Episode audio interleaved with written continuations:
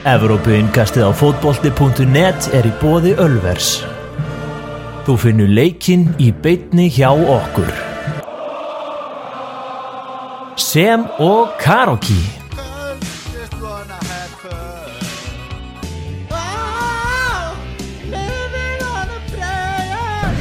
Píla, hún, mjöður, pítsur, hambúrgarar, stemming.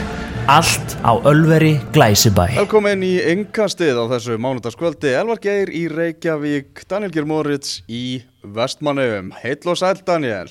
Já, halló, halló, halló, halló. Ég byrja með spurningu. Uh, Já, Svona vestmannesk spurning. Ian Ok. Jeffs, einn af ykkar allra dáðustu svonum hann í Vestmannum Já. aðstofa landslistjálfari Kvenna og, og ég veit ekki hvað og hvað. Já, Hún var nú í viðtali hjá hann Gunnar Birgis í Landánum, horfður það? já, ég horfði það Ok, þá ættir að geta, ættir að geta þessa spurningu Frá hvaða ennska félagi kom Ian Jeffs til IBVF? Ertu svona að hita upp fyrir 50 dagina?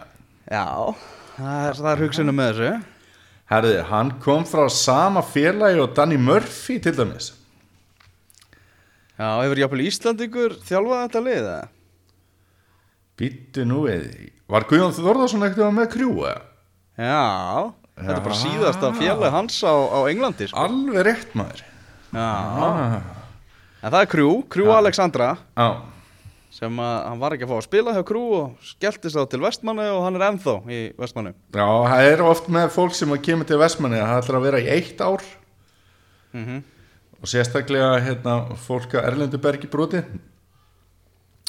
En svo er bara er þetta mjög alþjóðlegt hérna hjá okkur og bara eins og við viljum hafa það sko Já, algjörlega.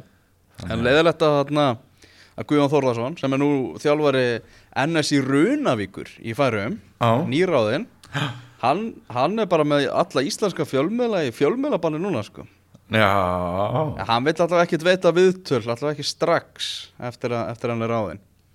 Þannig að það er ekkit heyrst í Guðjóni það er leiðilegt, ég veit að það eru all, er allir kollega minni búin að reyna að fá viðtöl við hann en hann segir bara nei við alla sko já, er mjög leðilegt að því að Guðjón Þórðarsson er náttúrulega myndum við ekki segja einstök stærð í íslenski knastbyndisu Hann er það, alveg klálega uh, upp fyrir 50 daginn segiru Við erum með pub quiz. Þú vilt að fara í bæjaferð á 50 daginn já, meira segja bara bæjaferð og svo bara lengra sko.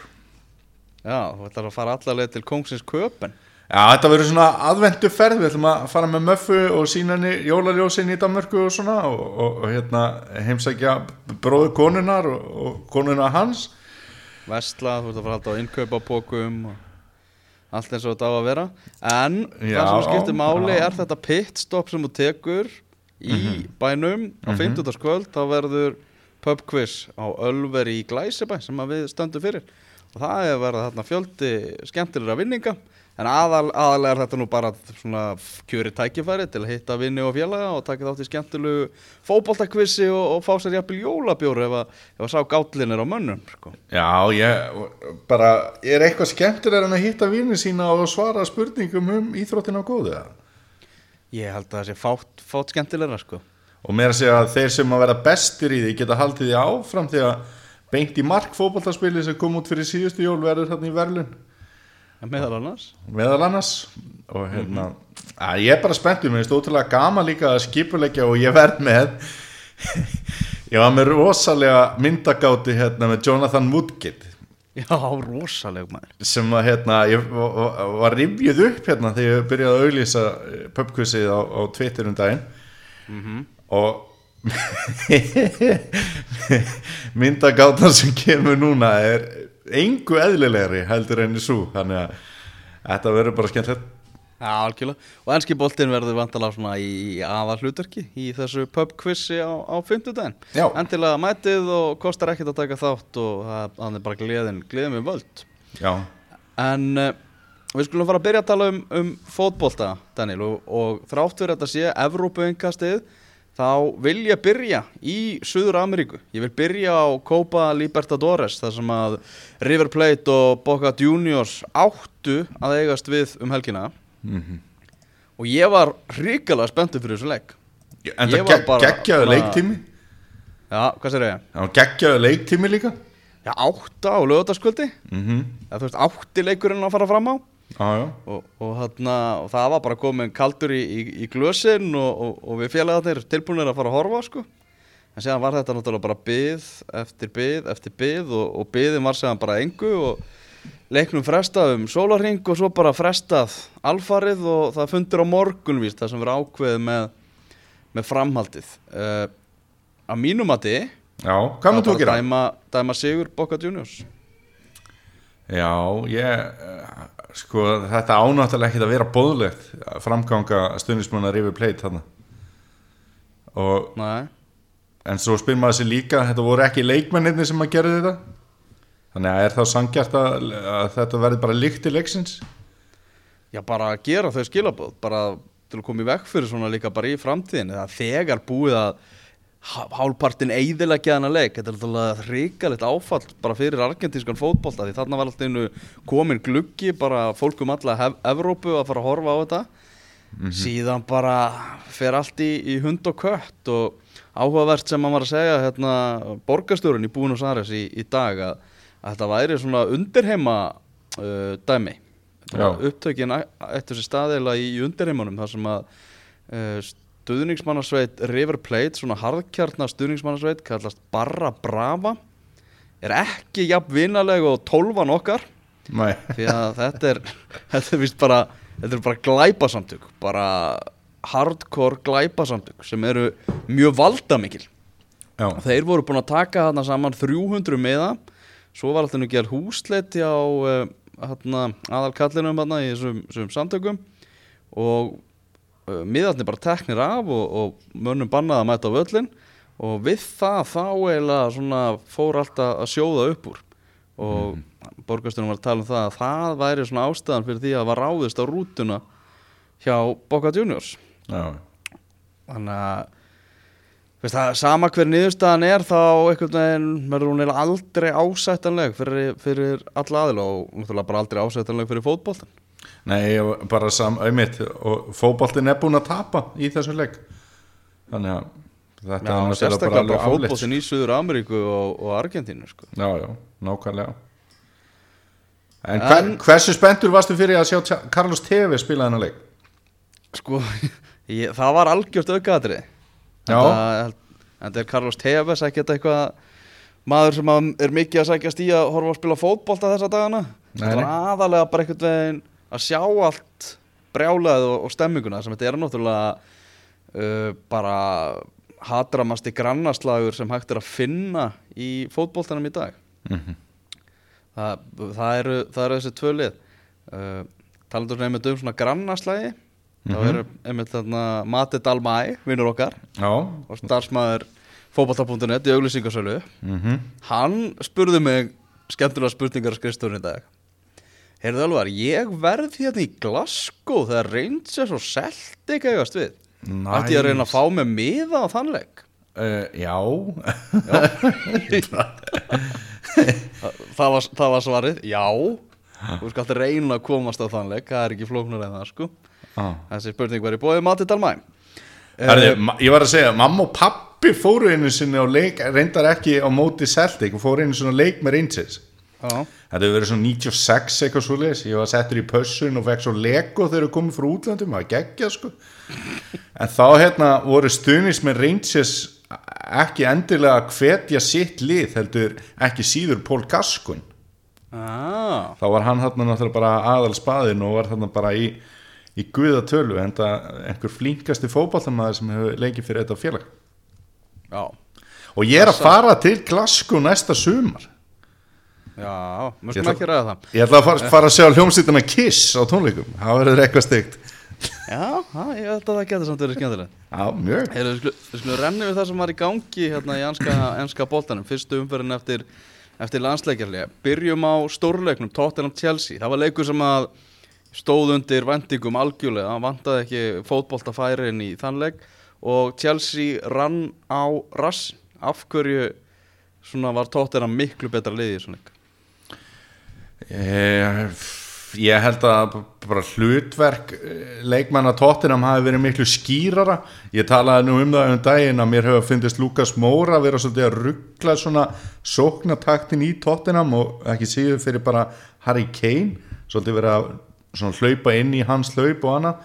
Núna var Harry Kane fremstur með Eriksen, Ali og, og Son fyrir aftan sig og það er allir fjórir voru frábærir í þessum leik Eriksen með tvær stóðsendíkar Ali með Marko stóðsendíku og Harry Kane skoraði síðan fyndi Marta sem að David Lewis nefndi ekki að fá boltan í sig og hörfaði frá skoti sem að var vel fyrir utan teik og svo verði nú bara að segja stað að þessi hérna þessi breyting á Chelsea liðinu að færa Engolo Kante framar og láta Jorginho vera þarna akkerið og aðal mannin á miðjunni hún er ekki að ganga upp Jorginho er búin að vera afleitur eftir fína byrjun og og hérna bara að hann eigi að vernda vörnina eh, var, var bara vandræðilegt og ekki tók síðan betra við þegar á vörnina var komið og það sérstaklega þáttur David Lewis í þessum leik. Sko, N'Golo Kante uh, Nú er Sarri eitthvað svona mikið að tala um það að hann vilji fá meir út úr sóknarlega og, og, og Kante sé bara leikmann sem getur skora fleiri mörg á tímabilinu og, og allt það. Riksuan sem að N'Golo Kante er besti varnarmiðumæður í heimi. Já. mjög mögulega. Þú veist, Bara- hann er bara hann er á pari allavega við það allra bestu. Já, og, og hann til hvers að reyna að breyta honum eitthvað? Ég bara fatta það ekki sko. Nei? Ég myndi fatta ef það kæmi eitthvað svona svakalega, svakalegt flæði það sem að var hægt að nýta hlaupaketuna hans á ákveðin hátt. Og en hérna það er ekki að gerast. Og, og, og, og slengja því síðan fram að vilja fara að sjá eitthvað um fleiri mörk frá honum það er náttúrulega, það er algjört kjaftaði sko. Og En nú er fólk byrjað að tala um Tottenham. Það er einhvern veginn svona þeir hafa hingað til verið bara svolítið að sigla undir radarinn í, í allir í umræði en þarna kom svona sprengjisigur í stórleik þar sem þeir voru geggjaðir. Og er ekki mjög líklegt að munum tala miklu, miklu meir um Tottenham á næstu viku Jú, þeir voru allavega bara tóku þetta ta- tjel- tablausa Chelsea-liði nota beni og þeir pökkuðu þeim saman. Og stegasöfnum tóttunar hefur gengið vel af því að þeir hafa ekki engjart jafntefli í deildinni uh, tóttunum er, er búið að fá sér 11 mörg sem að er svona þriðja minnsta í deildinni á samt reyndar Chelsea. Og núna var þetta svona já, leikur þar sem að sóknin var bara geggjuð sko, maður beið bara eftir fjórðamarkinu, maður beið eftir fymtamarkinu, þeir bara keirðu yfir þá. Og ég held að, að allir sem að ég hef heyrt sem að halda með Manchester United til dæmis og, og ef þeir mættu velja sér knasputun stjóra af því að það er ekki almenn ánægum með stjóra Manchester United þessi dagurinn þeir segja Positino Já þannig að svo sá ég líka svolítið finna mynd á netinu eitthvað um daginn að hérna, Tottenham keif, sa- eitthvað svona sagt er að Tottenham hafi ekki keift neitt leikmann í sumar. Hver í fjáranum er þó þetta? Og það var mynd á Musa Sissoko hann er búin að vera geggjaður sko. Og bú- bara búin að vinna sér fast sæti í þessu liði. En e, það var einn svona hefnistimpill á leik Tottenham. Það var að Chelsea átt að fá víti. Ok. Það sem að þessi ungi varnamaður, ég ætla að lefa þér að bera nafnið hans fram hann í miðverðinum Nei, þú mátt bara gera. Ok, e, það er eitthvað fóið eða eitthvað svo leir Ok. Hann e, sparkaði Edin Hazard niður. Já og hérna það var í stöðunni 2-1 að mér minnir. Eða 1-1, nei 2-1 ja, skiptir ekki, það var allavega ekki búið að skora öll mörg leiksins. Já og uh, óhefni fyrir Chelsea að fá ekki vítaspilni á, á þeim tímapunkti en þá held ég að Tottenham hefði bara nýtt fleiri af þessu ég held það sóknum sko, og klára þetta einhverja síður. Þannig að en samt, þú veist oft breyta mörg leikjum og þetta hefði kannski geta gert það en fullkomlega verðskuldaði sigur hjá Tottenham. Mm -hmm. Þú sagði ráðan hérna náttúrulega keft ekkert í sumar og það er kannski er punktur í því af hverju það er svona minna búið að tala um það það er svona minna nýtt eitthvað sem hægt er að tala um þetta er bara sama lið og síðasta tímabili. En Pochettino þrátt fyrir að sé náttúrulega resastórt þegar Manchester United vill fá þig sem stjóri sem stjóra uh, og náttúrulega þvílík áskorun og, og, og, og allt það. Af hverju ætti hann að fara frá Tottenham til Manchester United? Bara til þess að stjórna miklu, miklu, miklu stærra félagi. Já, en sko þú ert að kasta knasputustjóra ferlinuðinum í hættu bara út af þessu ótrúlega mörg vandamál sem þarf að leysa á Old Trafford meðan þarna er, er sko, þú ert Pochettino er greinlega búin að sannfara leikmenn um að vinna fyrir sig því hann er búin að halda þessum skæru stjörnum hjá tóttinaliðinu það er átt fyrir að þetta séu klárlega leikmennin að bór sem getur verið farnir í miklu starra félag. Uh, hann er greinlega búin að sannfara þá um að vera áfram.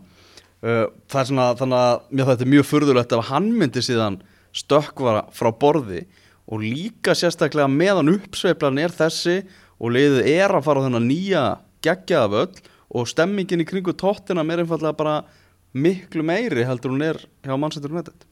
Já, það er líka eitt punktur í þessu að hann hefur engu að tapa einhvern veginn hjá tóttina menn alltaf vinna. Þú veist, Já, ef, ef að tóttinam nær ekki meistaradildasæti að þá verður hann ekki hengdur á hæsta gálka ef hann skildi, ef hann skildi verða byggameistari með tóttinam eða bara að ná langt í meistaradildin eða hvað það er þá, þá er þið það mikið afreg þannig að e, þetta er svona þægilegt sæti en það er náttúrulega þægilegt að því að hann er búin að standa sér svona ótrúlega vel. Já, þetta er bara ótrúlega fær gaur sem hefur lagt gríðalega mikið á sig á sínu ferli til að verða jafn góður stjóri og hann er núna. Já, já, þetta er náttúrulega ekki fyrsta liðið á Englandi sem að hann tekur einhvern veginn og, og snýr gengi, genginu við og, og tekur svona eitthvað félag bara á, á næsta level þó að hafi verið til skamstíma þegar hann var hjá Sáhantón en þá hefur þetta verið allt annað hjá Tottenham og þetta er svolítið hans lið. Eh, það hafa líka komið upp vandamál hjá Tottenham undir hans stjórn sem hann hefur leist við um munum eftir söguna endalösu með Tobi Alder Væreld hann stóð nú í miðverðinum bara í leiknum á móti Chelsea og spilaði mjög vel. Mm. Þannig að hann er líka einhvern veginn svona krísustjóri, Danny Rose er ennþá leikmaður tóttinan sem að eh, var búin að haga sér svolítið skringilega með yfirlýsingar í fjölmjölum um að hann vildi fara og eins og hann væri bara svona of stór, hann reynda misti náttúrulega Kyle Walker sem að þeir væri til í að hafa en það er alltaf sumt. Já, já. Svo sko bara stjórar Manchester United síðan Ferguson hætti þeir eru bara veginn það búið að mála þá sem trúða. Þú veist Já. það er bara búið að mála David Moyes sem trúð, Louis van Gaal sem trúð og nú er verið að mála Mourinho sem trúð sko. Já. Þannig að það er virðist ekkit vera svona heillavænlegast fyrir stjórafyrirliðin að stökkva þangað sko. Nei, nei, það er mjög góða búndur ég held samt að þetta hljóti að vera eitt mest spennandi starfi í heimi þrátt fyrir allt og Já, já En þegar þú ert í þessu einmitt, þegar þessu uppseifla er í gangi þú ert elskaður hérna eins og hann er hjá tóttinam og það verðist blasir það ekki við að hann hafnaði til dæmis að taka við Real Madrid? Jú, jú. Þannig að ha, honum- fram, framtíðin er hans sko, það liggur ekki Já, nei, það er bara nákvæmlega það. Og, og eins og ég sagði á hann þá er þetta náttúrulega svona þægileg staða sem hann er í að því að hann hefur alltaf að vinna og enga að tapa sko. Já, akkurat. Uh, Förum yfir í annan leik hérna, Evertón Cardiff þar sem Evertón vann 1-0 sigur. Ég horfði á svona lungana þessum leik uh, svona í endursýningu. Það var virkilega fyndið að sjá hérna Aron Einar hann var bara svona frakki á Gilvaþór Sigursinni Já, það var greinilega lagt upp með það að Aron átt að vera á Gilva og við erum bara að tala um að hann var svona alltaf lítandi til hans og, og þetta var svona bara Íslandingaslagur á, á bestu gerði hans úrvastildinu, það sem að mark frá Gilva séðan ræður úslitum En hvað að- fannst þér þá með markið hans Gilva að Aron hafði ekki nefnt að eldan akkurat þegar hann skoraði? bara Gilvi vann þess þetta einvið við, við Aron sko. En þetta er svo ótrúlega ólíkt Aroni. Hann, hann hættir í hlaupinu, hann hættir að berjast. Maður verður ekki oft séð þetta. Bara ég hver fólk ef er, er, er ekki séð þetta mark að sjá bara hvernig Aron Einar beiti sér þarna í varnarleikunum hann, þetta var mjög sérstakt. Nátt, náttúrulega gaman náttúrulega að hann skilji gera það fyrst að Gilvi skoraði og allt það en hérna, þetta er ekki sá, þetta er ekki vörumerkið Arnóns Einars. Nei, nei, en Gilvi heldur áfram að vera gulls í gildi. Uh, Karti fær eiginlega svolítið bara rós fyrir hennar leik fyrir það að hafa staðið í Everton í þeirra uppsveiflu sem er í gangi þar. Og en maður finnst, man finnst ennþá að Everton eigi eitthvað inni að þeir geta orðið betri á þessu tímabili. Já og ekki bara Gardif sem minna þrátt fyrir þetta hérna mark þá fekk Aron Einar líka lof fyrir sína framistuðu en ég er alveg sammálaði með Everton að þetta er farið að líta bara mjög vel út hjá þeim og ég er í mínu að er komin hérna núna bara í byrjunarliðið og, og, og hann og Kín er að mynda þarna öflugt miðvara par sem að hérna var nú hleið að fyrir ekki alls löngu hvernig miðvara pari hjá Everton ætti að vera af því að það gekk ekki neitt. Og bara þegar þú spila gilva í, í, í hans stöðu þá þá getur þú búið til ansi gott að þetta sé líka gaman, hann er með hraða leikmenn þetta með sér eins og Theo Volkot og Richarlison og það er full ástæða til þess að taka Everton alvarlega og það verður spurning hvernig það verður næstu helgi þegar verður rísa slagur um allir Liverpool og Everton. Já, það verður rosalegu slagur. Uh, Vornok, hann vil kaupa segir bara að ef að Cardiff ætla að halda sér uppi þá þurfi liðið að kaupa í, í janúar klukkanum og ég held að það sé nú alveg, alveg hárétt hjá hann kannski ein spurning, Daniel mm ef ég myndi segja við þig að annarkvort Everton eða Manchester United myndi enda í fjórða sæti bara ég vissi það sem, sem spámaður ætti þetta gúlu á borðinu hjá mér -hmm. uh, hvort, hvort liðið myndur giska? Manchester United, Er það? blákall þeir verða. Þeir verða fyrir ofan Everton í vor. Já, en ekki top fjórum? Nei, ja, Nei, nei, það er ekki sérs Manchester United gerir markalust jafntöfli á móti Crystal Palace og alltaf verið að reyna að finna eitthvað svona nýtt og nýtt umræðefni í kringum Manchester United og, og þessar rakfarir.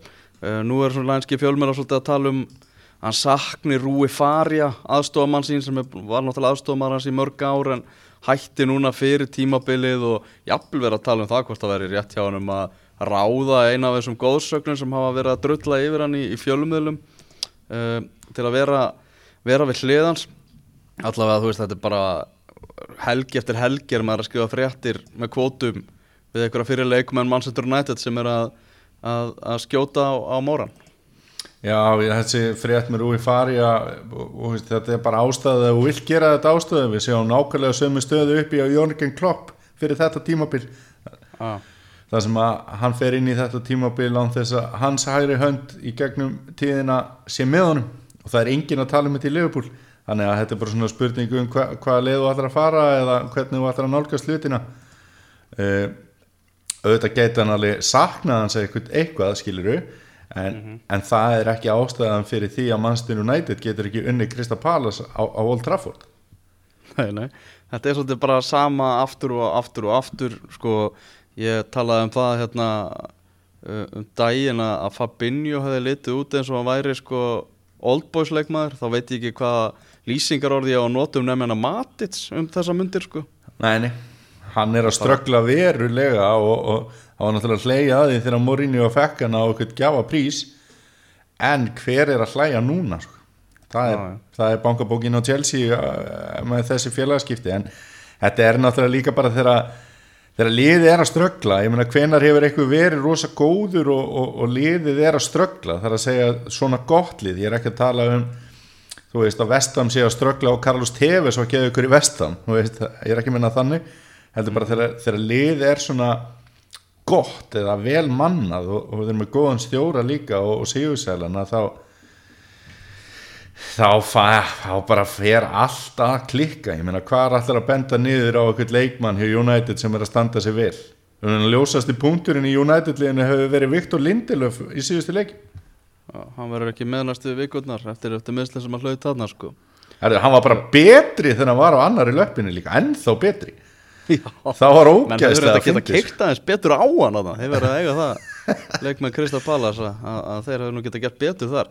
En sko ég, kíkti á leikskísla á rauðudjöflandi.is já, og meðast bara góð setting sem sagði þú veist, við höfum séð hundrað svona leiki á síðustu fjórun til fimm árum.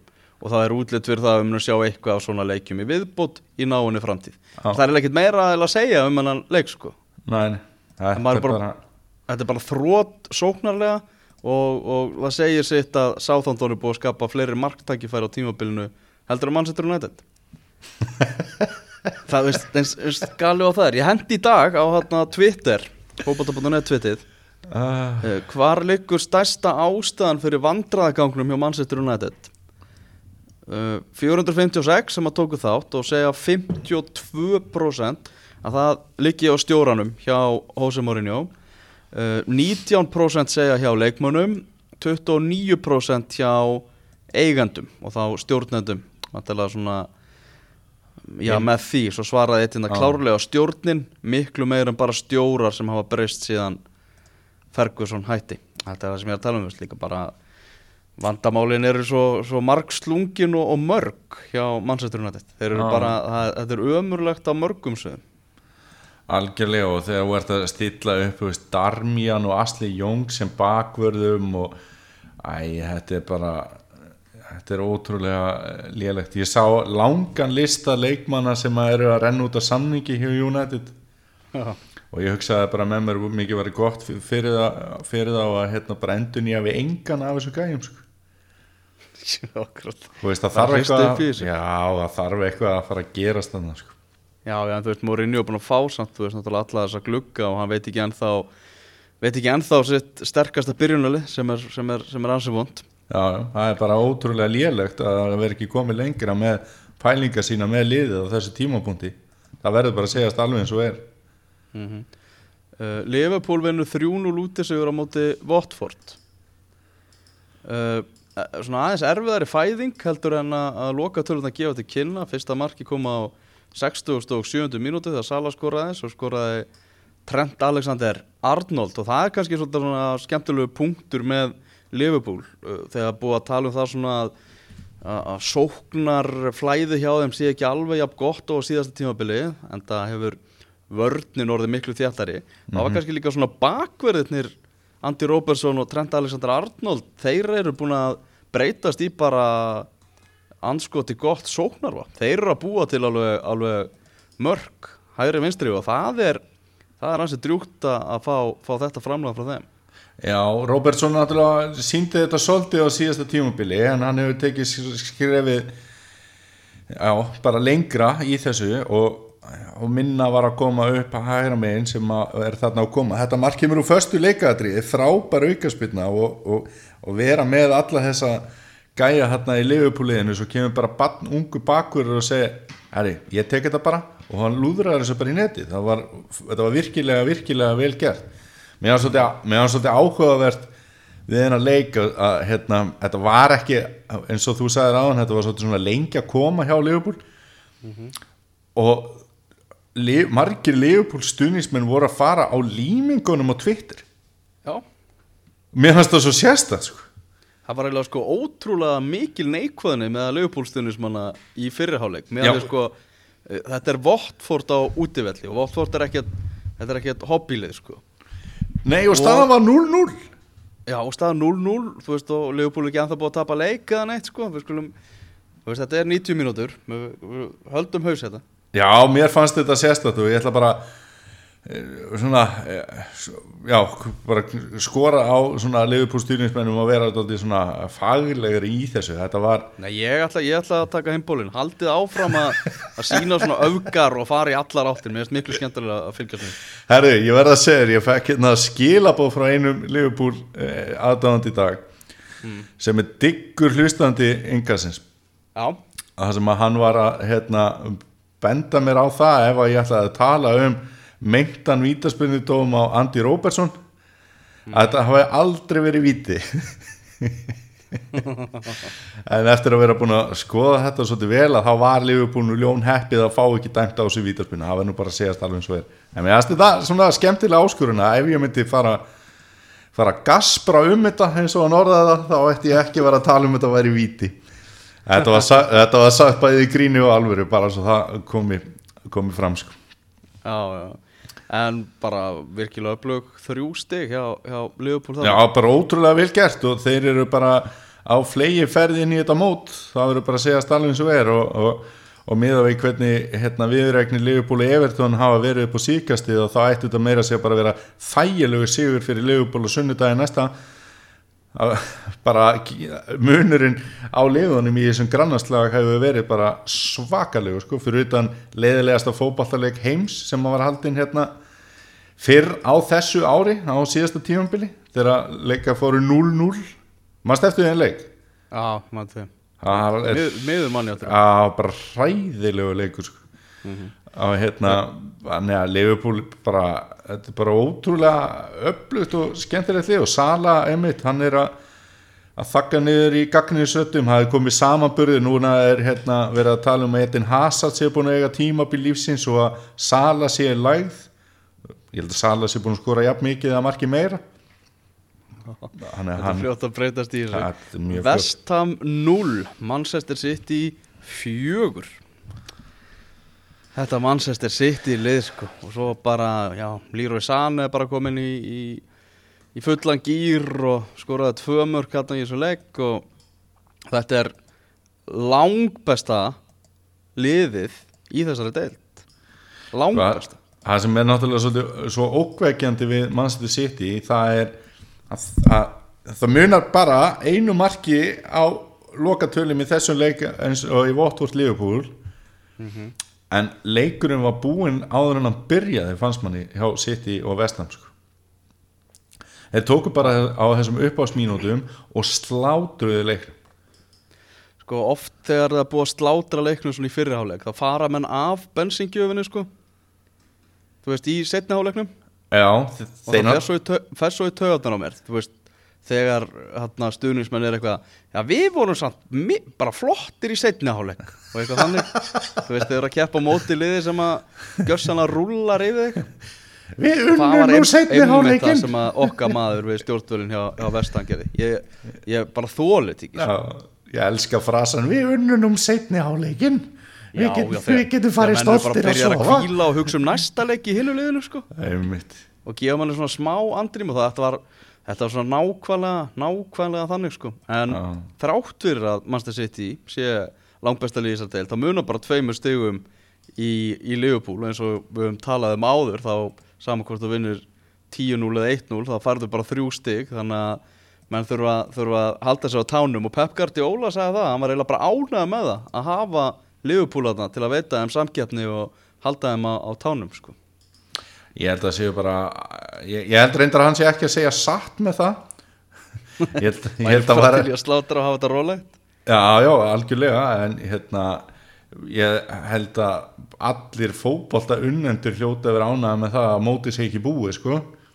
Mm Þannig að, eh, já, já, Liverpool er náttúrulega bara eina liði sem er eitthvað að keppa við þá en mann man finnst þetta sitt í lið vera bara samt einhverjum skrefum og undan og það eru, það eru allir einhvern veginn að koma með svona framlag, ég meina Aguero hann er ekki búin að skora ég núna allavega tveimur leikjum í röð og skiptir bara engu máli. Veist, hann er samt frískur og að taka hlaup og opna og hann var alveg átti svona sinn þátt. Og svo kemur hérna Gabriel Jesus inn og hann leggur upp mark fyrir Sani David Silva er náttúrulega búin að skora og skora og skora í haust en það er það mín skoðum bara að David Silva er hann ekki bara besti leikmaður ennsku úrvastildarinnar á þessum áratug? Jú, hann er allavega vel uppið þar sko. Mm Heyrðu, þínu menn í Arsenal Þetta var nú ekki fallegur sigur á móti Bournemouth en, en sigur var það og hvað er ekki konið ykkur 17 leikir án taps hjá Arsenal? Jú, í öllum keppnum og hérna, það er náttúrulega jákvægt og í raun og veru hefur mér fundist öll úrslit þannig laga jákvægt fyrir utan að vinna ekki vúls og heimaðalli að þá hafa þeir verið að gera jafntefli í þessum útileikjum eða eins og í þessum leik vinna. Arsenal er búið að vinna núna jafnmarka útileiki á þessu tímabili og gerði allt síðasta tímabil sem er, ótrú, sem er ótrúlega tölfræði.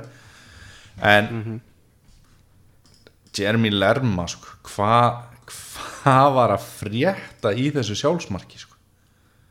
Já, þetta var þrusu bombu sjálfsmann Já, algjör þrjusubomba bara Kola Sínak situr boltan inn á og veistu, þetta var ekki búið að ganga vel hjá Arsenal að opna þannig að það var mjög, mjög vel þegið að fá þessa aðstóð sko.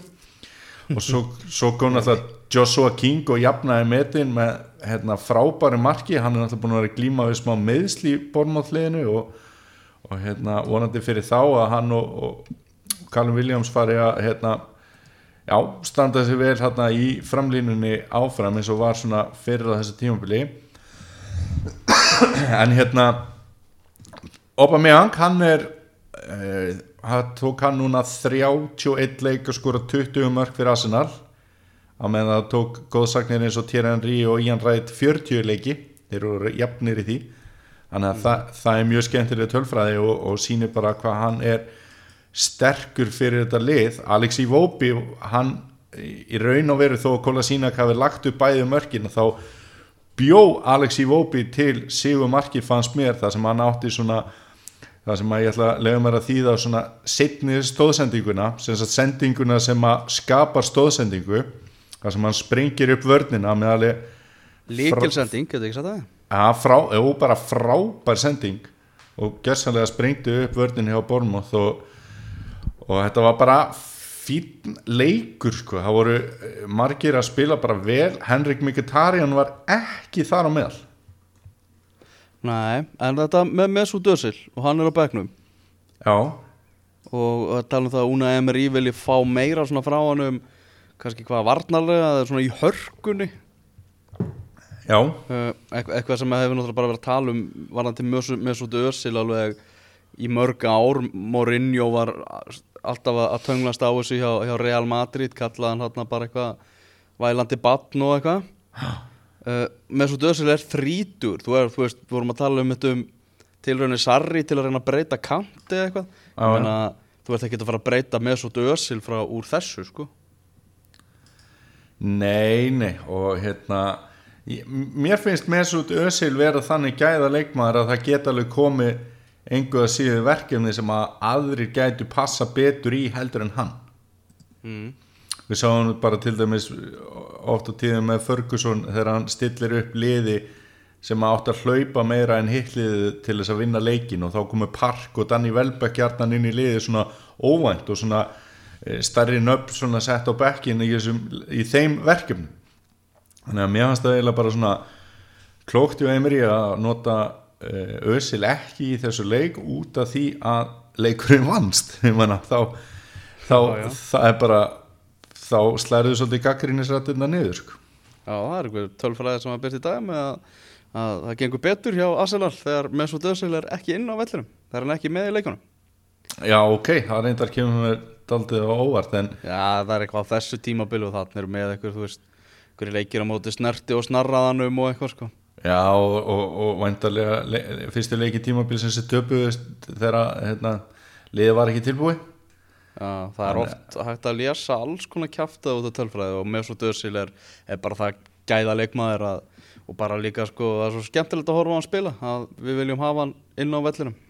Já, ég fer endar ekki hérna, já, hvað maður að segja ég, ég ætla nú kannski ekki að taka svo djúpt í árin að ég fara ekki ofan af því en ég er ennþá með það svona inni á borðinu að Mesut Özil sé að glíma við einhver vandamál utan vallar hvað sem það er þunglindi eða eitthvað annað sem er að bitna oft á honum og, og það verður væntalega ekki hjálpa honum núna að vera í landsleikja hlýði þar sem hann er ekki lengur hluti á þýska landsliðinu sem er ákvörðin sem hann reynda að teku sjálfur. En hann hefur náttúrulega oft sínt að hann er svona dálti hvað maður að segja, viðkvæmur karakter Menna, hann þurfti að taka sér leifi einhvern tímann þegar Arsenal datt út um meistaradeildinu og hann var ekki andlegu jafnbæði til þess að spila og það er náttúrulega ekki oft sem við heyrum það. Þannig að ef hann er tekin eh, réttu tökunum og fær það aðstof sem hann þarf hjá Arsenal og nýttur í því verkefni sem hann á að vera í að þá er þetta náttúrulega bara geðveikur leikmaður að hafa, geðveik góður. Uh, Brighton og Leicester gera 1-1 í aftefli karakter hjá Leicester sem eru einu um færri stóran hluta leiksins eftir að James Mattisson létt reka svo út af á, á fábjónalegan hátt. Uh, fekk setna gula spjaldi fyrir dífu og það var Já. ljót dífa og vissu upp á sig skömmuna, fóra velli bara mjög skömmustulegur og fór beint á Instagram og baðst afsökunar og sagði að þetta ætti ekki að sjást á, á vellinum. Sást þú hérna myndina Austur hérna sakamála myndina íslensku sem átt að gerast þarna á Stokkseyra Nei, ég sá hann ekki Heyrði- Heyrði vondasögur Já, leikurinn hjá Mattisson var svipaður og í þeirri mynd, veist, þetta var hörmulegt sko. og hérna og hann vissi svo upp á sig sökina bara þegar hann fær, fær þetta rauðaspjald en, en eins og þú segir að hann náttúrulega hleypur bara hann inn í inn í klefa og, og, og, og signa sig bara og á hann fyrir á liklaborðið og byrst afsökunar sko. Mhm, ha- Strákurinn er náttúrulega nýjórðin 22 ára Hann er nýjórðin uh, svona stjarna í, í fótboltanum Mhm. Þannig að hérna, við gefum honum það Þátt að hann gerir, gerir sín mistök og, og eigi sínar lægðir En það er fullt í þessum gaur sko. Já, algjörlega, hann hefur samt ekki verið að spila vel undan, að undanförni Nei, nei, þú veist það er bara þannig Ungi leikmenn taka, taka sína lægðir Já. Hann, hann rís aftur sko. En Glenn Murray, hversu mikill meistar er þessi gæ? Tíu Tíu bara Já, það er bara þannig va, va, va, Ég ætla að koma með aðra spurningu Á skalanum 1-10 með Glenn Murray ah. Hvað værið þú mikið til í að fá þig púp með honum? Vá, tíu líka Er það ekki? Alltaf tíu sko Ég er bara, þú veist, hafði nörgulega bara efstur á blaði Við fekk, fekk að velja bara einhvern í deildinni sko Já, hann er, hann er ótrúlega svona, svona púp líklegur til vinsælda sko. Já, ég held að þú veist, það eru margir púpar sko Og, og, og langt kvöld og erfiðu morgundar. Þannig að fúlha með 3-2 sigur á móti Southampton. Já, ég er búin að undirbúa spurningu á þig fyrir, fyrir uppgjör þessa leiks. Ok. Ef að þú mættir velja núna bara það það væri sem sagt þú mátt bara segja já eða nei. Já, og það er sem sagt lánssamningur lánsskipti á tveimur leikmannum ok. Romelu Lukaku og Aleksandr Mitrovic. Já.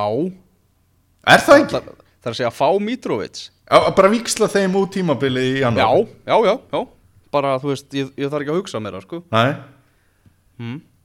Það er bara, þetta er bara allt og góðu gaur til að vera að spila fyrir fúlham það er bara algjörlega þannig og, og hann skorar alls konar mörg hann skorar hefnismörg, hann skorar geggjumörg setna marki hjá hann og frábært það sem að afgreiti svona utanfótar á lofti bara fljótur að hugsa. Og hérna en náttúrulega skemmtilegasti punkturinn í þessu leik lítur að vera að sjá Kláti og Ranieri stýra liði í bottsætið til sigus það er auðvelt að halda upp á Ranieri. Já, hann hættur í pítsunum, nú hvað byrður hann upp á McDonalds? Greinlega komið eitthvað spónsamning en uh, Sesse Njón sagði með líka eftir leikin svona bara hreint út að, að Ranieri væri miklu svona taktískari heldur en Jokanovic og væri svona, svona meiri, meira skipulag í, í Ranieri. En það er eitthvað þannig að alltaf þegar Ranieri vinnur fótballtaleiki þá svona fer maður alltaf aðeins upp um eitt hamingjustik Já, það er einhvern veginn þannig. Og, og kannski einhverju leiti skrítið að þessi stjóra skipti hafa ekki komið fyrr. Já, en þetta var náttúrulega mjög torsóttu sigur og það er mikið búið að skrifa um Sáhantón og þeirra stjóra sem að Cedric sérstaklega opnaði sig með það að, að hann hefði haft það á tilfinningunni þegar þeir komist yfir. Sáhantón kemst í 1-0 í þessu leik. Að hann hafði alltaf á tilfinningunni út af því hvað þeir spila neikvægt að þeir fengi á sig öfnunum já, þannig að er ekki Mark Hughes eiginlega bara komin í heitasta sætið í ennskúrastildinu núna hann er í hittast þetta, ég held að það sé klárt mál. Uh, Höttersvíð sprengdi upp uh, þessa fallbaróttu með því að vinna 2-0 útisugur á móti Wolves. Mhm. og þar skoraði, skoraði hvað Arumói hann að bæði mörgin hann er nú leikmaður bara, það er eitthvað tölfræðan það bara þegar hann skorar þá vinnur Höttersvíld uh, annar leikmaður sem er að fá uh, mikið hrós það er Philip Billing sem er danskur miðjumæður 22 ára Já. af nýgarískum ættum og þetta er strákur sem kom til Höttersvíld þegar hann var bara unglingur fór í unglingaliði hjá þeim Já. og hann er svona að, vaksa og, og dafna þarna uh, þessi, þessi strákur er ekki búin að spila alansleik en það er alveg nokkuð ljóst að, hann er á næsta leiti hjá þessum hver danst er þetta billing? Já, en þetta er hann hann er af hvað nýgarískum ættum þessi strákur Já, já, það er bara það er bara mjög jákvægt að hérna Já, mér finnst það allavega, mér finnst það alltaf gaman þegar að koma svona fleiri norðurlandabúar að einhverju viti inn í þetta og Þannig að hann er ekki, hann er ekki með sko danskasta útliti þrátt fyrir hann sem er danskasta nafni sko. Nei, nei, við höfum nú séð það áður í, í, í, í deildinni þannig að það er bara gaman að því. En með Mói og bara hennar leik að það var bara eitt liði sem þorði að vinna hennar leik og það vann leikin Já, Wolves voru bara einhvern veginn svona skítrættir og hvernig hérna Patricio stillir upp varnavegnum fyrir þessa aukasputni sem hann tók. Það er, það er- eitt af lélegasta sem ég hef bara séð hann bara stilti vegnum upp þannig að hann sá ekki boltan og hann var hægt að setja boltan báðum megin við veggin Heri, þá sett hann hann náttúrulega bara hægri fótur hægra hótn, ekkert mál. Já, þetta á ekki að sjást á þessu leveli sko. þetta var bara til háborinn að skamma. Wolves er með 12 mörg skori í 13 leikum maður held að þeir eru miklu skemmtilega en þeir hafa verið á þessu tímabili. Já, okkur á- byrja líka ekki Adam að trú óri ég veit það ekki hann er einhvern veginn svona langt líflegastu svo að hann á koma eitthvað að retta þessu og, og Æ, ég veit ekki, þetta vúlslið fer svolítið í töðan á mér að þegar þeir byrjuðu svo vel og maður, hann var svolítið svona spenntur en þeir hafa verið bara laukur í skúfuköku sko, þetta er bara, þetta er ekki að ganga upp. Reynda voru þeir náttúrulega mjög óhefnir að skora ekki hérna með Jimin, Jiminez hérna, að munaði 80 mm eða 1,8 cm að, hérna, þetta verið dæmt mark en marklínu tæknin elvar, hún lígur bara ekki þannig, að þeir fengu ekki þetta mark nei. Laukur í skúfuköku uh, Já. Wolves mætir Cardiff á föstudaginn uh, Sunnudagurinn er náttúrulega það gómsætasta það, það er grannastlaga sunnudagur uh, á í hanska boltanum Chelsea Fulham, Arsenal Tottenham og svo Liverpool Everton Þetta er Þetta er gómsætt, þetta er gómsætt prógram uh, Meistaradeildin í þessari viku hvað ertu spenntastu fyrir að sjá þar, Daniel? Herðu, ég ætla reyndar að hérna, benda þér á, það var leikur að klárast í þessum töluð Ok. Nei, hann er, nei, hann er ekki alveg búinn, hún var náttúrulega senkað Já, Herri, við förum í það þá bara eftir. Hvernig er töl- spenntastu fyrir í meistaradeildinni, Daniel? Ég er spenntastu fyrir Manchester United Young Boys. Já, hvað United var 3-0 fyrir leikina, hvað er spenntur eitthvað fyrir því? bara þetta er bara búið að vera svo vandararett til United bara að munið er klúðra þessu. Já, ég er raunverulega spenntu fyrir því, ég er ekki að tjóka aha. Ég er langspenntastu fyrir hérna sérriðlunum, PSG, Liverpool og, Já, og Napoli það. Rauða stjarnan. Ég var Ha. bara að vera með aðeins öðrísi svar sko. En að sjálfsög er það það sem, að, það sem að menn er að fylgjast með ekki spurning og sérstaklega náttúrulega PSG Liverpool sem að hefur alla burði til þess að vera frábær leikur Já, og það vantar eitthvað í, í PSG-liðið en það lið, við skulum ekki að það er ekki þetta að bóka, bóka neitt gegn PSG, þáttur að vanta eitthvað að kalla þar en þetta er PSG uh, heitasta liðið í Evrópudeildunum núna, ég sá eitthvað lista um það og þar er, það var talað um hvað tíu síðustu leiki, ok, þar er PSG í efstasæti, Juventus í öðru, City í þriðja, Dortmund í fjórða, þínumenn í Arsenal er í fymta sæti, svo koma uh, Inter, Liverpool, Leipzig og Chelsea í svona næstu sæti þar á eftir. Þetta eru heitustu liðin í, í Evrópuboltan núna. ok, ok þetta verður forunlegt er þetta, sí, þetta, er, þetta er síðast umferðin í meistaradildina ekki? Nei, þetta er næst síðasta. þetta er næst síðast já, já, já, Já, já, ok þetta er næst síðasta, þetta er, þetta er fymta, fymta leikvika af, af sex. Ok, Þannig að það verður, þetta styttist í, í leikslokk aðna og, og spennan, spennan mikil. Þínum er náttúrulega að að fylgjast já, ég hérna bara viðurkenni þar Heyrðu, það eru tíðindi frá Þýskalandi, það var að tala um það að Arsene Wenger vilji taka við Bayern München. já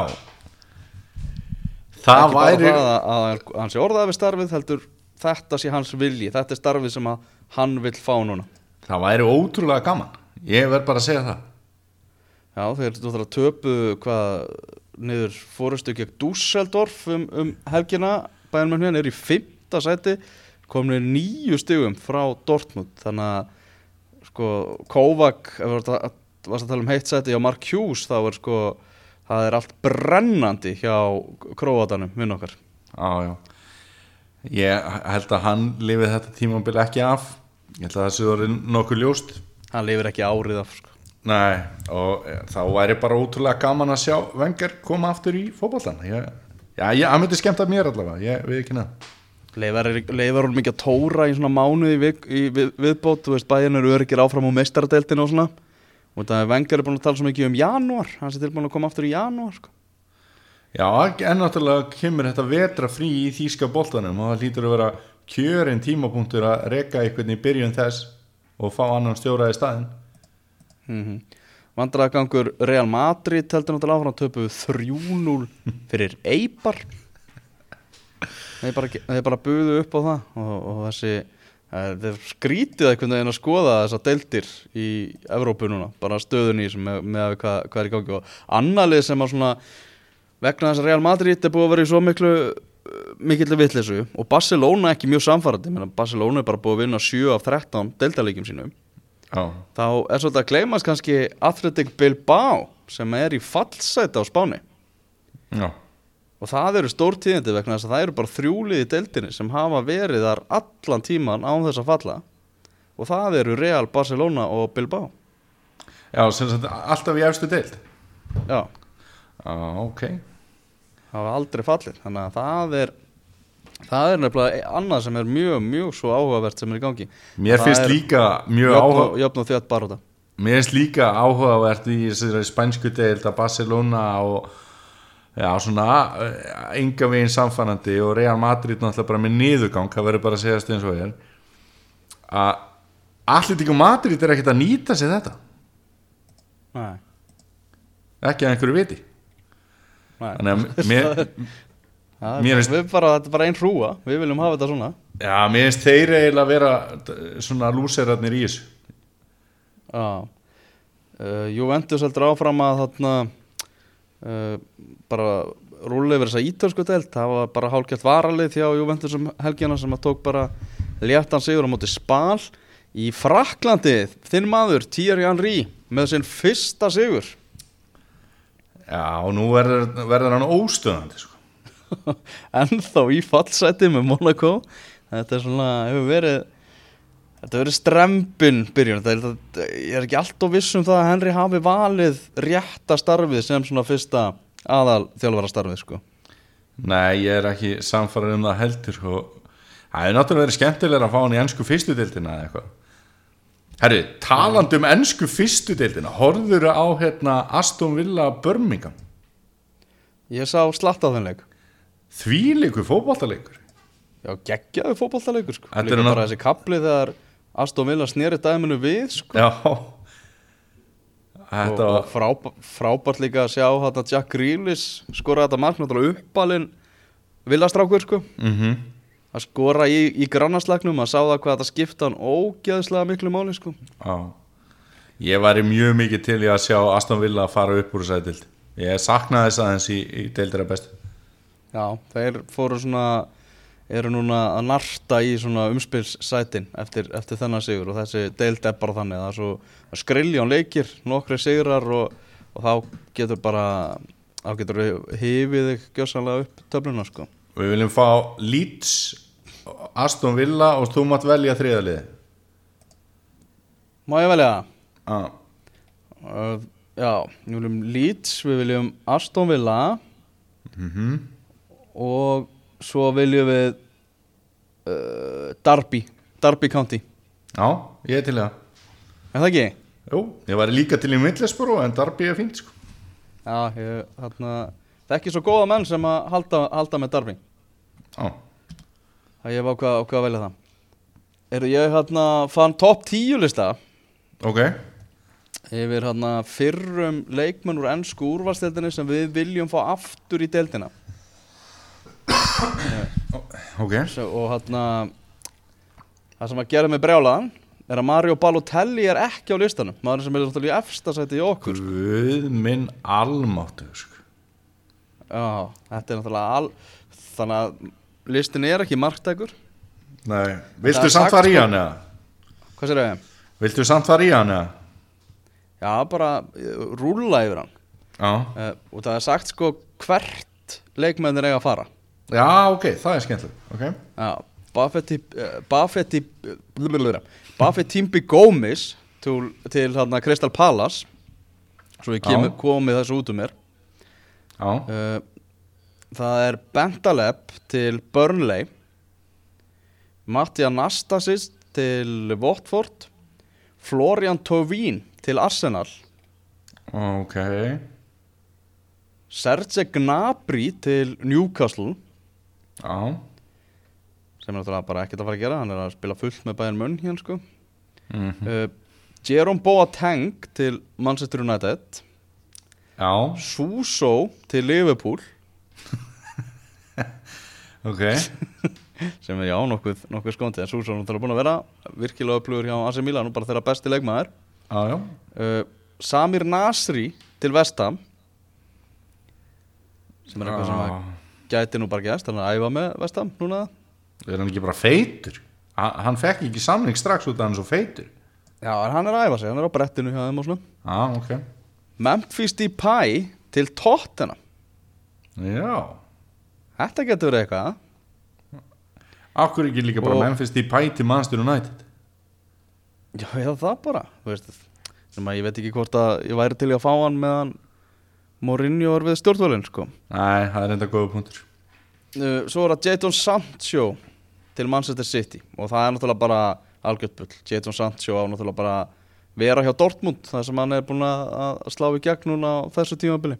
Mm og, og á bara að halda áfram að vera þar í stóru hlutverki og, og blómstra þetta er náttúrulega á toppi þýsku búndeslíkuna sko.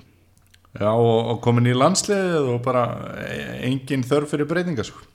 ah. Þannig að, en eins og ég segi, Balotelli er ekki á þessu lista þannig að hann er alls ekki marktækur á nokkru liti það er fullt af sk- skrýtnu hlutum í á þessum lista Ég var hérna með eina frétt sem að ég ætla að, að rifja upp með þér Það sem að var á síðunni í vikunni eða um helgina Þannig ég ætla fyrst að spyrja þau hérna, hvað saminar mannkinni mest? Er það ekki fótboltinn bara? Jó, kannski Ok, hvað hefur sundrað mannkinninu mest? Og, svo verið svona grunna ástæða fyrir stríðum og, og eitthvað uh, Trúabröð Einmitt, oft verið sagt að það séu trúabröð ah. Herri, þá var einhver meistari sem að vil halda heimsmeistara má trúabröða Ok. Það væri bara múslimaliðið væri þarna og bú, búttistarnir myndu mæta og, og, og eitthvað þetta. Og Við fellum þessa hugmynd? Nei, þetta er geggju hugmynd. Og hann var hann, Þetta, einmitt, það er þetta, þetta er geggjuð hugmynd. Hann var einmitt að raukstið þetta. Þetta var, hvort þetta var ekki bara einhver í, í Vatikaninu eða eitthvað Já, því að- þjálfari presta landsliðs Ítalíu Já, er, Ég er búin að finna þetta Er Þessi frétt fór algjörlega fram hérna 23.30 á föstudagskvöld sko. já, já, ég, ég bara vel, við- vel við hæfi að þetta kom inn þá ég var eiginlega búin að, býða spenntur líku eftir þessari frétt sko. hún kom á svo góðan tíma fyrir mig að því að ég fór skellir hlægandi í hátinu mér fannst þetta samt svo sniðið sko. Þetta er, þetta er áhugavert sko. En hann er með talar um það þarna í þessu að, að þetta væri svona til þess að svona, já, fá fólk til þess að vera víðsitna og, og, og bara svona minka hatur. Hann að þetta geti bara verið besta hugmynd í heimi sko. Þetta er algjörlega í öfu átt sko. Algjörlega í öfu átt. Þetta er bara, bara algjört rugg uh, Daniel, takk fyrir kvöldstundina. Við Sömuleiðis. sjáumst á fimmtudaginn á Ölveri þegar uh, pubquizi verður klukkan 21.00 endilega mæti á það. Góða stundi bara